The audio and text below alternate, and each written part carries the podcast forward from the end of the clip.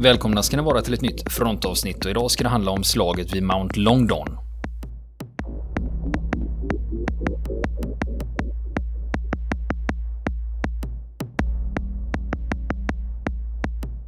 Ja du. London, ja. Ja, innan vi börjar Ja. eh, så vill jag säga det att jag vill varna för vissa detaljer från det här slaget som kan uppfattas som stötande.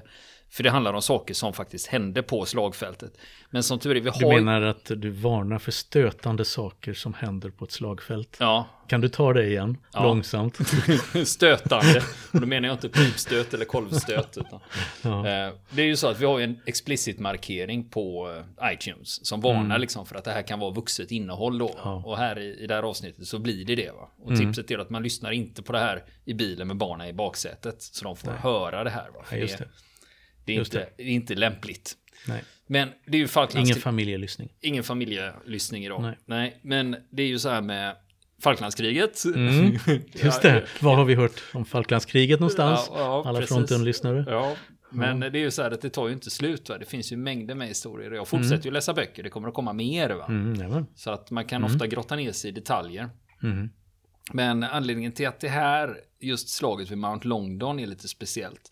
Det är nämligen det som räknas som eh, Falklandskrigets blodigaste strid.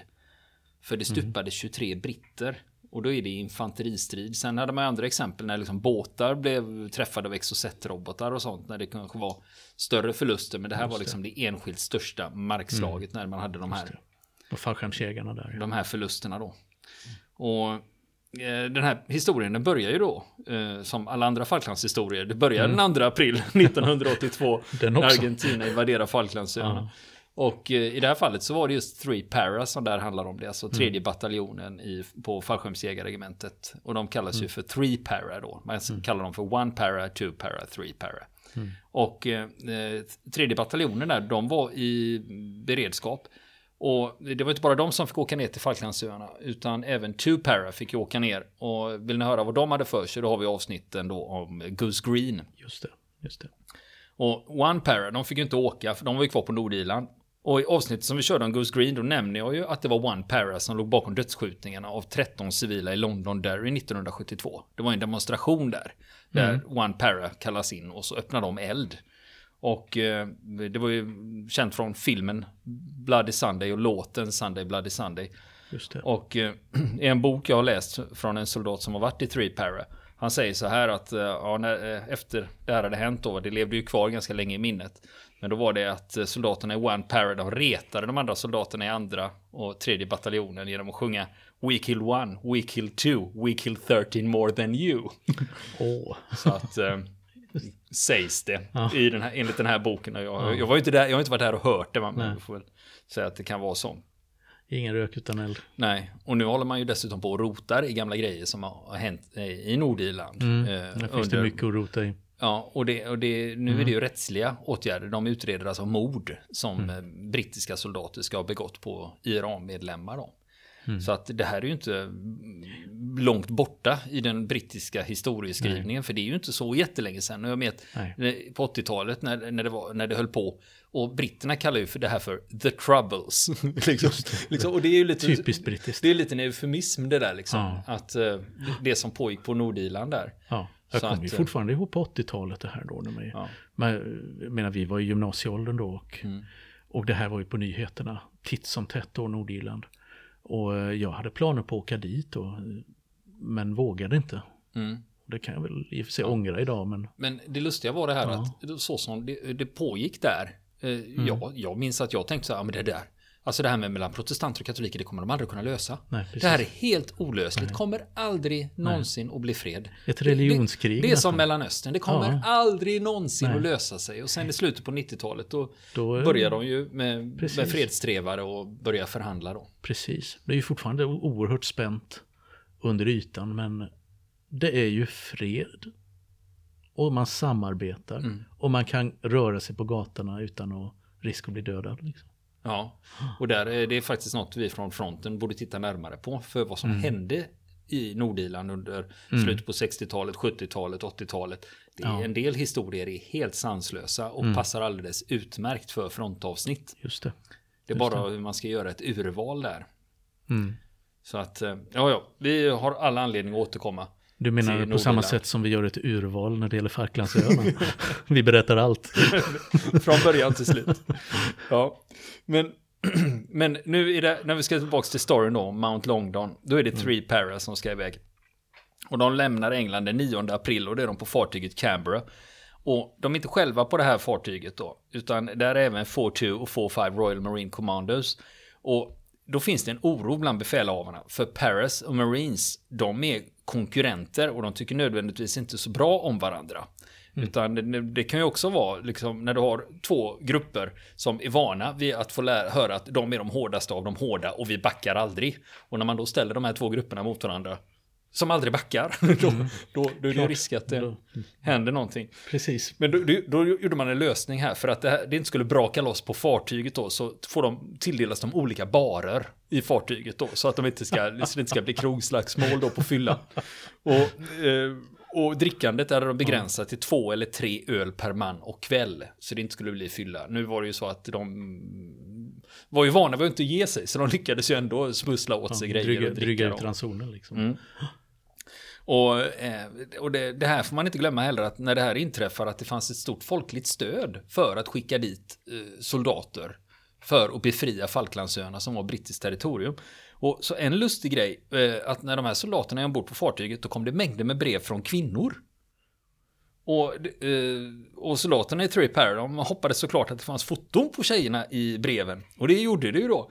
Så de sparade bilderna på de snyggaste, samtidigt som de hade en vägg med bilder på de som var i andra änden av skalan. Alltså, de tävlade vem som kunde hitta en bild på den fulaste kvinnan. Och hon, den nålade de upp då liksom, så de hade en vägg då. Okej. Med bara de fulaste brittiska kvinnorna som hade skickat brev till eh, soldaterna på båten då. Ja, det, det låter ju som typisk logementshumor. Ja, men sen när de är på väg söderut då, då kommer orden att de får absolut inte slänga något över bord. För de är förföljda av ett sovjetiskt spionfartyg och befälhavarna är oroliga över att, att de plockar upp skräp för att kunna hitta underrättelseinformation.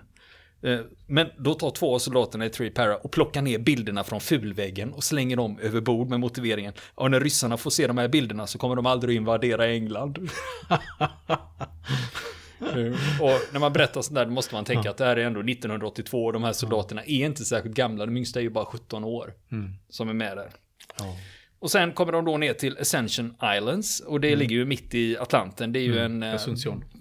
Ja, Precis. jag brukar säga Ascension, men sen när jag försökte ringa dem idag för att fråga, uttalar man inte Ascension Islands? För det är ändå brittiska öar. Nu var det så att det här med att slå landsnummer 247 från Sverige, det ger inget resultat. Nej. Så jag försökte ringa turistbyrån och några hotell där nere. Så, eh, men, så jag brukar säga när jag lyssnar på brittiska dokumentärer och inspelningar, då säger de alltid Ascension Islands. Så jag håller mig till det då. Okej, då För- håller vi oss till det. Ja, för det är brittiska öar och eh, den hy- hyrs förvisso ut till amerikanerna. Så de får ha en flygbas där. Men i det här fallet så, nu ska de iväg och kriga och de behöver ju en bas någonstans. Så, Just det. så att det blir Ascension Islands då. Och där ligger Three Para för ankar i två veckor. Och då är de i land och så tränar de strid med mera. Och de genomför även luftlandsättning med helikoptrar. Och det skulle senare visa sig vara lite överflödigt, men det visste de inte då. För det, det blev inte så mycket helikopterflygande nere på Falklandsöarna. Men det kommer en förklaring på det sen.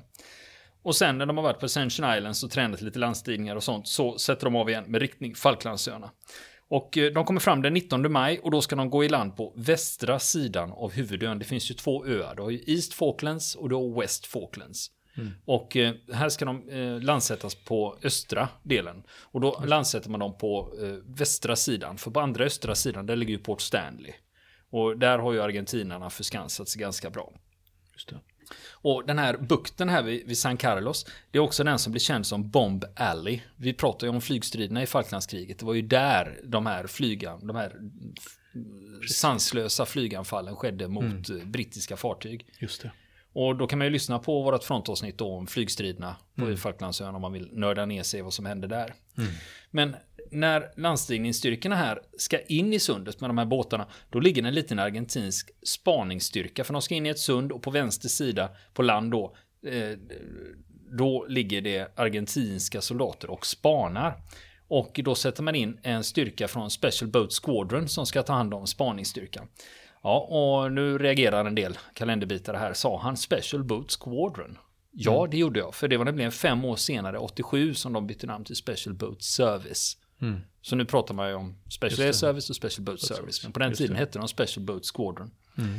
Och jag kan ju Jag har säga... en intressant historia sen som vi ska ta upp i ett annat avsnitt om Nordafrika och SBS Ja, och Tobruk. Men det kommer vi Ja. tillbaka till. ja.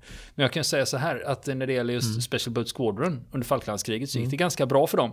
De, de eh, var ju inblandade i strider där, men de drabbades bara av två stupade. Mm. Och då var det faktiskt operatörer från SES som sköt ihjäl dem. Friendly, Friendly fire. Fire. Precis. Men nu är vi framme vid 21 maj och eh, Fanning Head, som den här udden heter där argentinarna ligger, den ska rensas. Den ska rensas då. Och här finns det cirka 60 argentinska soldater. Och det är 25 operatörer från SPS som får uppgiften. Och de har med sig en artilleriobservatör från flotta så att de ska kunna få stöd från fartygsartilleri när de rycker fram. Så de börjar med artilleri för att mjuka upp dem. Och när de närmar sig den argentinska positionen så ropar SBS först en uppmaning att de ska ge sig. Men de möts av en skur av kulor. Och då öppnar SBS upp med finkalibrig eld tillbaka. Bland annat från sina GPMG. Och, alltså GPMG det är en engelsk förkortning. Det står för General Purpose Machine Gun. Eh, I Sverige känner vi dem som KSB 58 då. Och sen hade de även, eh, SBS hade även granatkastartillsatser på undersidan av sina aut- automatkarbiner. M203 kallas ju de, eh, granatkastartillsatserna. Så de använder dem också. Och de bränner till och med av eh, pansarskott. Sådana amerikanska 66 mm lå. Eh, och det är ju pansarvärnsvapen då. Mm. Och med det så rycker SBS framåt och räden blir en framgång för 11 argentinska soldater stupar och 6 ger sig och resten flyr österut i riktning mot Port Stanley. Och det här skildras också i en scen. Eh, Det finns en argentinsk kri- krigsfilm som heter Soldado Argentino Solo Conocido por Dios. Och det är en ganska ny argentinsk krigsfilm eh, som handlar om Falklandskriget. Och när jag upptäckte att det fanns, jag bara "Uah!" Ja. Så jag slängde mig över den och försökte få tag på den så fort jag bara kunde. Och det jag fick tag på var en otextad kopia. Då. Nej, så jag, jag har ju sett den på spanska. Ja, just det. Ja, och, Åh. ja, men hur mycket behöver du kunna egentligen för att fatta? Fuego, på? Ja. fuego betyder eld. Ja. Allt man behöver veta. Yo sorrendo, yo sorrendo. Nej. Men det Nej. borde ju komma en nu, men med i alla fall engelsk textning. Ja, någonstans. Nu var jag lite väl eh, sugen. så Ja, jag tänkte faktiskt jag får se. Ja, men där skildras också den här striden. Och när man då pratar om den här filmen just, den titeln kommer från, eh, det, det har med texter på gravstenar att göra. För te- titeln betyder argentinsk soldat, känd endast av Gud. Alltså, det här vilar den okände Mm, den argentinska okände soldatens soldaten, grav. Ja. Och det är alltid trevligt med eh, filmer om Falklandskriget. Får hoppas det kommer fler. Ja. Men eh, nu har, har ju SBS varit inne och rensat där och nu är ju sundet klart för transporter in. Ja, med undan, man är ju lite fort, man är fortfarande rädd för flyg då. Det vet man ju inte om det ska komma några av. Och eh, Three Para, de har ju under resan ner på fartyget Canberra, de har tränat så mycket de bara kan för att behålla formen så de har sprungit runt på däck där och gjort massa olika styrkeövningar och mycket skjutövningar också. Och 21 maj så flyttar de över till landstigningsfartyg och planen är att de ska landsättas i mörker. För förband som landstiger i ljus, i dagsljus, de är väldigt sårbara.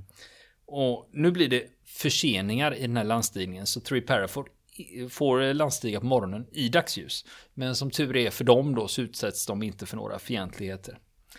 Och sen kan det ibland bli lite förvirring när man pratar om eh, orterna här va. För det, där Three Para ska gå i land, det är ett ställe som heter San Carlos. Och sen finns det ytterligare ett som heter Port San Carlos. Men eh, det, Det är olika platser.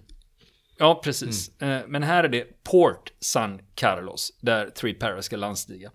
Och eh, när de väl har kommit till land, då drar de sig norrut och gräver ner sig. Eh, Och eftersom det är på södra halvklotet här, så eh, årstiderna det är ju omvänt då. Så här i, i, i maj då, då, då börjar det ju bli kallt då, då börjar ju vintern. Eh, Och problemet är när de ska gräva ner sig då, det här är ju ljung och torv och sankt, så att så fort de tar ett spadtag så fylls det med vatten. Det är inte så, ja. Det är ju inte optimalt. Det är inte så roligt att hålla på och försöka gräva något och sen gå och lägga Ligga sig i det. det, Eller, precis. Ja. Eh, och här inträffade en incident eh, i, i samband med det här. För när SBS slog mot Fanning Head, då stack ju ett gäng argentinska soldater. Och nu vet ju britten inte vad de är. Nej. De är, ju rädda för att de bara håller sig ute i terrängen och sen kommer att anfalla dem. Så patruller från Three Para är ute och håller utkik. Och ungefär, samtidigt så är det en patrull från A-kompaniet i Three Para som rapporterar in att "Ja, vi har sett fienden, vi behöver granatkastare på deras position. Och samtidigt har man en patrull utifrån C-kompaniet som också gör en observation av fienden. Och de begär in artilleri mot fiendens position. Och eh, så utbryter en eldstrid. Eh, och det är en eldstrid för det är de två brittiska patrullerna som skjuter på varann. Mm. Och eh, ansvarig officerare, när han fattar det här liksom, men herregud, de har ju angett samma positioner fast vi är där och där är de. Mm. Och så omkastat då. Så avbryter han liksom, eld upphör, eld upphör. Men de behövde inte så lång tid på sig. De lyckas på den här korta tiden då som den här Mm. eldstriden pågår så såras mellan tre och fyra soldater och två är allvarligt sårade då med huvudskador. Mm. Och det är ju så här friendly fire när folk är ute i terrängen Mm. och bara håll utkik efter fienden. Åh, där är de, skjut! Utan att liksom kontrollera var är våra egna. Mm. Lätt hänt. Ja. Men de sitter kvar i San Carlos här eh, några dagar. Eh, de, eh, det var ju 21 maj de klev i land där. Och sen kommer orden att nu ska ni röra på er. Den kommer 27 maj. Och sen lämnar de Port San Carlos 28 maj. Och det gör de klockan 14.30 på eftermiddagen samma dag. Just det, alla tider jag anger här, det är lokala tider. Jag håller inte på med London-tider och sånt. Utan jag har översatt allting så att det är lokaltider. För då, då blir det lite bättre när man fattar liksom med, med ljuset då. När är det natt, när är det dag. Precis. Och eh, den 28 maj, det är ett datum som är lite intressant här. För det är samma dag som slaget om Goose Green inleds längre söderut då. Men samma dag så ger sig Three Para till fots och de ska rakt västerut i riktning mot eh, Port Stanley. Och eh, sen ska de, eh, de ska till ett ställe eh, som heter Teal Inlet. Och sen efter det ska de vidare till en plats som heter Estancia House. Och eh, det här första benet då, det är ungefär, jag har mätt det på Google Maps, det är ungefär 40 kilometer. Så, och det, de- det ska ta sig genom det är alltså riktig kass skitterräng som är sunkig, ojämn, det är torvmossar, det är ojämn terräng. Och så har de ju med sig packning då också. Och sen när jag läste där, fågelvägen då 40 kilometer, det stämmer dåligt. Det blev mycket längre än så. Utan man brukar räkna med att det var ungefär 55 kilometer då med alla, när man gick fel och alla patruller som behövde skickas ut och sådana saker. Det är tufft, även för elitsoldater. liksom. Ja, ja, och så kallt och jävligt då, och så bära grejer. Eh, Men eh, det visar sig att en sak som hjälper dem att navigera det är att på kartorna är alla staket utmärkta. Det här är ju mycket fårfarmar och sånt som håller till det, så det är mycket staket. Och de här kart kartorna stämmer väldigt väl överens. Så när du väl hittar ett staket så vet du Har du det som ledstång liksom? Ja, Kan... då går det att göra. Eh, Och som tur har de också hjälpt med en bofast eh, Falkländare. Eh, För han hade varit med i lokala hemvärnet och han har även varit polis på Falklandsöarna. Och han hade lyckats sticka från San Carlos då, 2 april, när argentinarna kom.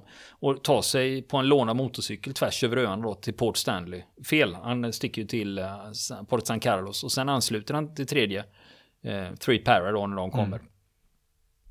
Så han är ju 43 år vid det här laget och han går med på att agera vägvisare då, för han hittar ju på öarna. Och eh, problemet är när han väl är kommit till Port San Carlos och liksom mm, presenterar sitt ärende, eh, då har Three Para redan eh, gett sig av. Så att han får flyga ikapp dem med helikopter då. Mm. Och sen har vi det där med, det fanns ju ett hemvärn på Falklandsöarna, Falkland, Islands, eh, Falkland Island Defense Force. Och, eh, när argentinerna kom eh, den 2 april inför invasionen, då mobiliserade man dem den 1 april. För man visste att man har fått underrättelse, nu är de på väg, nu jävlar. Va? Eh, och hemvärnet var 120 stycken på pappret då. Hur, hur många dök upp? Ja, När det kom en skarp inkallelseorder, nu kommer det en Ja. argentinsk armada, Ja. nu är det dags att inställa sig. ja, det är ju frågan. Hälften? Ja, 23. 23. Ja, men Var vi- femte. Ja, men vi kommer, vi kommer, jag kommer köra ett enskilt eh, Falklands avsnitt just om invasionen, hur den gick till. Just det. Så att eh, då kommer vi att prata mer om hemvärnets, eh, eh, hemvärnets göromål i Port Stanley natten där. Ja. Och när vi pratar om Three Para på den här vandringen, det var tung packning. Man pratade att eh, det brukar vara, det var runt 60 kilo, men det är ändå mindre än vad de kunde ha haft. För de hade inte med sig sovsäckar, sina stora ryggsäckar, de kallar dem för Bergens, det är ju efter tillverkaren, heter ju Bergans, så att de kallar det för Bergens. Eh, Och de hade inte med lavetter till sina kulsprutor, alltså de här GPMG, alltså KSP 58. Eh, men, och när vi pratar om lavetter, då är det så att eh, de hade KSP 58 i två utföranden. Antingen den vi är vana vid här i Sverige, du vet med två stödben mm. som infanteristerna har och springer omkring med. Sen finns det också en annan version med ett eh, treben, mm. ett stativ där du liksom kan fästa den. Och då vitsen mm. är att det blir så stabilt så du får ju otroligt mycket ja. längre skjutavstånd på mm. den. Eh, du får ju precision på avstånd då helt plötsligt. Men så är det ju nackdelen då att med den här lavetten då är det ju inte lämpligt att springa omkring med den här vid höften och Rambo-spraya. Det är mer, mer ett försvarsvapen i det ja, läget. Precis. Ett anfalls. Ja, och den här framryckningen som Paras gör här, de kallar det för TAB och det sägs att förkortningen står för Tactical Advance to Battle. Men sen finns det andra som har sagt att nej, det gör det inte alls, det är bara ett jävla påhitt som har kommit i efterhand då. Va? Eh, mm. Och man olika förband använder sig av olika typer av begrepp för det här. För brittiska Royal Marine Commandos, de har en annan term för det här. De kallar det mm. för JOMP, alltså Y-O-M-P. Mm. Eh, och det sägs att det, det, ska då stå för Your Own Marching Pace. Och då är mm. det to JOMP somewhere. Mm. Men det är osäkert om det, det, är sant eller var det kommer ifrån. De använder uttrycket jomp, men sen mm. om det verkligen betyder det som förkortningen mm. säger att det gör, det vet brukar, jag inte. Det brukar ofta finnas flera förklaringar till samma ja. sak. Och sen har vi amerikanska förband, de använder sig av uh, begreppen hump eller mm. ruck.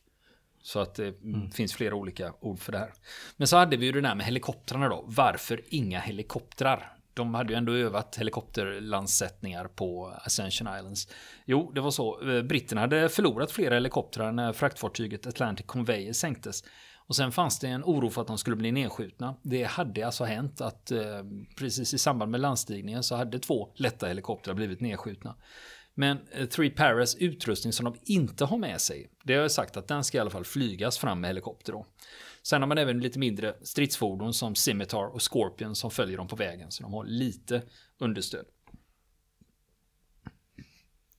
Och terrängen här den var väldigt sank och allmänt besvärlig och risken att trampa snett och stuka vristerna den var gigantisk. Och nu var ju problemet att de som ramlade, de blev liggande som sköldpaddor tills de fick hjälp att resa sig upp. De kunde inte ta sig upp för egen maskin. Mm. för många år sedan så såg jag en intervju med en Falklandsveteran. Men nu ska jag säga så här att det, det, är okänt. Jag kommer inte ihåg vilket förband han tillhörde. Så jag vet inte om det var Three Para. För om man tittar på vilka som gjorde väldigt långa marscher under den här konflikten. Så gjorde även SES, SBS och Royal Marine Commandos. De gjorde också det, så jag kan inte mm. säga att det här var just Three Para. Men eh, då var det det här med vattenreningstabletter. De tog vatten ur pölar och la tabletterna i det för att rena vattnet och så drack de det här. Med resultatet att de fick fruktansvärda diarréer. Och problemet var då när det slog till de här diarréerna, då hann de inte få av sig utrustningen och kläderna i tid. Eh, så för att slippa det här så struntade de i kalsonger. Det var vilket många inte hade ändå. Man kanske har hört talas om uttrycket go commando. Det vill säga att man går utan kalsonger. Och, och, och, det här är egentligen inte på grund av det här utan det är för att mm. om du håller på och ålar och klärar runt en massa och får in sand och grus innanför kläderna så mm. är det jobbigt med, då får du ofta skav då om du har kalsonger på dig. Då är det bättre att inte ha kalsonger mm. på sig.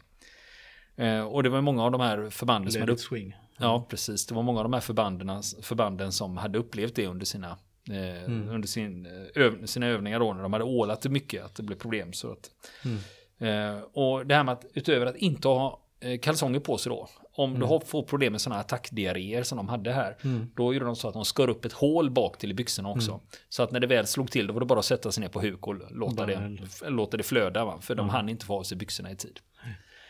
Eh, men som sagt, jag vet inte om det var Three Para som drabbades av det här eller om det var något annat förband på Falklandsöarna. Mm. Jag har faktiskt googlat och inte lyckats hitta, hitta någonting på det här. Mm. Men när de försöker ta sig fram där, då försöker de gå på stigar eller traktorvägar om det fanns. Men det blev väldigt mycket råterräng ändå. Och så var det skitväder, det var kallt och regn. Och Nick Rose från Three mm. Para som var med där, han berättade att det blåste en hel del också och att det regnade horisontellt. Det är ju så det kan göra här i Göteborg. Och sen den svampiga blöta marken gjorde att de fick eh, problem mm. med skyttegravsfot. Och sen var det flera av soldaterna som klagade på att de hade väldigt billiga och kassa kängor. Mm. Så kängorna höll inte måttet. Va? Ja, Utan det. var någon halvkartongvariant som de hade nästan på sig. Ja, ska vi förklara skyttegravsfot när vi ändå är där? Därför att eh, kanske någon som inte har riktig koll. Ja, det kan vi. Detta. Varsågod. För, för, för mycket väta. Om, du, om fötterna aldrig blir torra till exempel, det kom ju under första världskriget det här begreppet. När du kanske tvingades stå vakt eller röra dig i skyttegravar som var fyllda med vatten. Och du, du blev aldrig torr. Och det vet man ju när man, när man badar för länge så blir huden lite, ser man ut som ett russin. Den blir mjuk och skrynklig. Ja, det blir mjukt och skrynkligt. Och sen eh, dag ut, dag in i det här, då får du något, alltså det börjar ju ruttna. Mm. Du, får, du får någonting som liknar kallbrand. Ja, och det beror ju på att i takt med att, Ja. i och med att du är blöt hela tiden, då Ja. kyls foten ner. Just det. Och då blir det att du får cirkulationsproblem. Mm. Och har du inte cirkulation till dina tår, så till slut så dör vävnaden och då blir Ja. det kallbrand av det. Just det. Så det här är ju farligt eh, Precis. om man inte åtgärdar det här Precis. fort. Och det var flera som var Mm. med där på den här marschen som började få problem med det. Det, det var kyla och väta i kombination då. Mm. Med, så hade de haft bättre kängor på sig så kanske det hade blivit en annan historia. Eh, Ett exempel på vad som händer är att under den här marschen då är det en signalist som snubblar och han blir liggande med all sin utrustning eh, av Mm. utmattning. Han orkar inte mer. Och bataljonschefen där, eh, överstelöjtnant Hugh Pike, han beordrar att de som kommer på efterkälken, de ska man lämna kvar. Så att det är inte det att vi väntar eller hjälper dem, utan ramlar de och blir liggande så får de helt enkelt eh, vara kvar där de är, så får vi hämta dem sen. Och signalisten som ramlar här och, och som får bryta den här marschen tillsammans med tre andra, de får hämtas av helikopter tre dagar senare. Så det är bara att vänta tills vi kommer att hämta er. För vi kan inte vänta på er nu, utan nu, nu kör vi liksom. Precis. Och den här första delen, när de ska till Thiel Inlet. Eh, det tar 15 timmar att gå. De här ja, 55 kilometrarna som det blev. Och en av de som tvingas bryta under den här marschen, han var faktiskt soldaten som ansågs vara Three Paras bästa löpare. Han kunde springa brittiska arméns konditionstest, det är alltså 2,4 kilometer på 8 minuter. Och för er som håller på med löpning och liksom vet det här med tider och tempo och sånt, då är det 5 minuter och 20 sekunder per kilometer och då är det med packning, eller med stridsutrustning då. Mm. Och nu är det så här att eh, de hade ju startat eh, halv tre den 28 maj på eftermiddagen. Och så hade de en längre rast på natten längs med vägen. Och så kommer de fram till Thiel Inlet eh, sent den 29 maj. Och enligt Vincent Bramley som var med där, då har han gått 58 kilometer. Så långt har han gått för att komma fram till Thiel Inlet då. Och det här vid Thiel Inlet, här pausar de och stannar kvar. Och en soldat i A-kompaniet, han ska rengöra sin Sterling k-pist. Det är ju en eh, 9 mm k-pist med magasinet. Man slår in den från, sätter in den från sidan då. Eh, och han ska rengöra sin k-pist då. Men han råkar glömma kvar magasinet i den. Och råkar trycka av en skur av kulor. Och en soldat träffas i benet. Så det, det var friendly fire också. Mm. Och sen är det en annan grej som händer. De ska, de ska dela ut smörgåsar till soldaterna i B-kompaniets understödspluton. Och en av soldaterna i plutonen, han får ut dem. Och, och så, ja, här är mackorna till eran pluton, nu går du ut och distribuerar dem. Men det gör han inte. Istället gömmer han sig bakom en buske och äter upp allihop själv. och, när det här, ja, och när det här avslöjas är det ett under att han inte lynchas. Och en annan av soldaterna i plutonen han berättar att de förlät honom aldrig för att ha gjort det. För det är ju det mest egoistiska du kan göra under de här förhållandena. Det är kallt och jävligt och de har precis gått 58 kilometer. Ja, och och, så får de ut mackor med sylt på och så ska de då. Ja. Ja. så han sätter i sig hela plutonens ranson då liksom. Och de är ju beväpnade. Ja, Det- visst. Det de är vågar. liksom. dåligt omdöme. Och,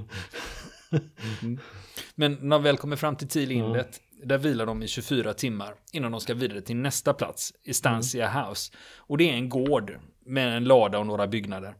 Och de når den på natten mellan 31 maj och eh, 1 juni. Och det är Estancia House, det är där man upprättar högkvarteret och det är där man planerar attacken. Och det är då 13 kilometer österut, fågelvägen, till Mount Longdon, som kommer att vara deras anfallsmål. Och en av dem som var med där, eh, nu har det ändå gått eh, ett tag här. Eh, från det att de faktiskt klev i land till dess att de befinner sig uppe vid Estancia House. Och en av soldaterna från Three Paras som heter Jonathan Shaw, han berättar att de tre veckorna på öarna innan slaget, det hade brutit ner oss fysiskt men stärkt oss psykiskt. Så att kroppsmässigt var de eh, ganska åtgångna, men, ja, men det hade stärkt dem mentalt. ja. Bara genom att härdas av det Ta här. Då. detta. Och då kan du tänka dig de argentinska soldaterna som hade vistats där i två månader vid det här Ja, laget det. och varit utsatta för det här. Just det. Och sen när man är vid Stancia House, eh, då befinner man sig i förberedelsefasen och då genomför man patruller och rekognoseringar mot Mount Longdon för att se var bunkrarna och skyttevärnen finns. För, man, för Mount Longdon ligger ju som ett hinder på vägen mot Port Stanley. Det är ett berg, det finns flera berg där i närheten. Mount Harriet, Two Sisters, Tumbledown och det här är ett av bergen som måste falla för att man ska kunna ta, ta sig bort till Port Stanley. Det är ett av de bergen som måste falla för att man ska kunna ta sig till Port Stanley.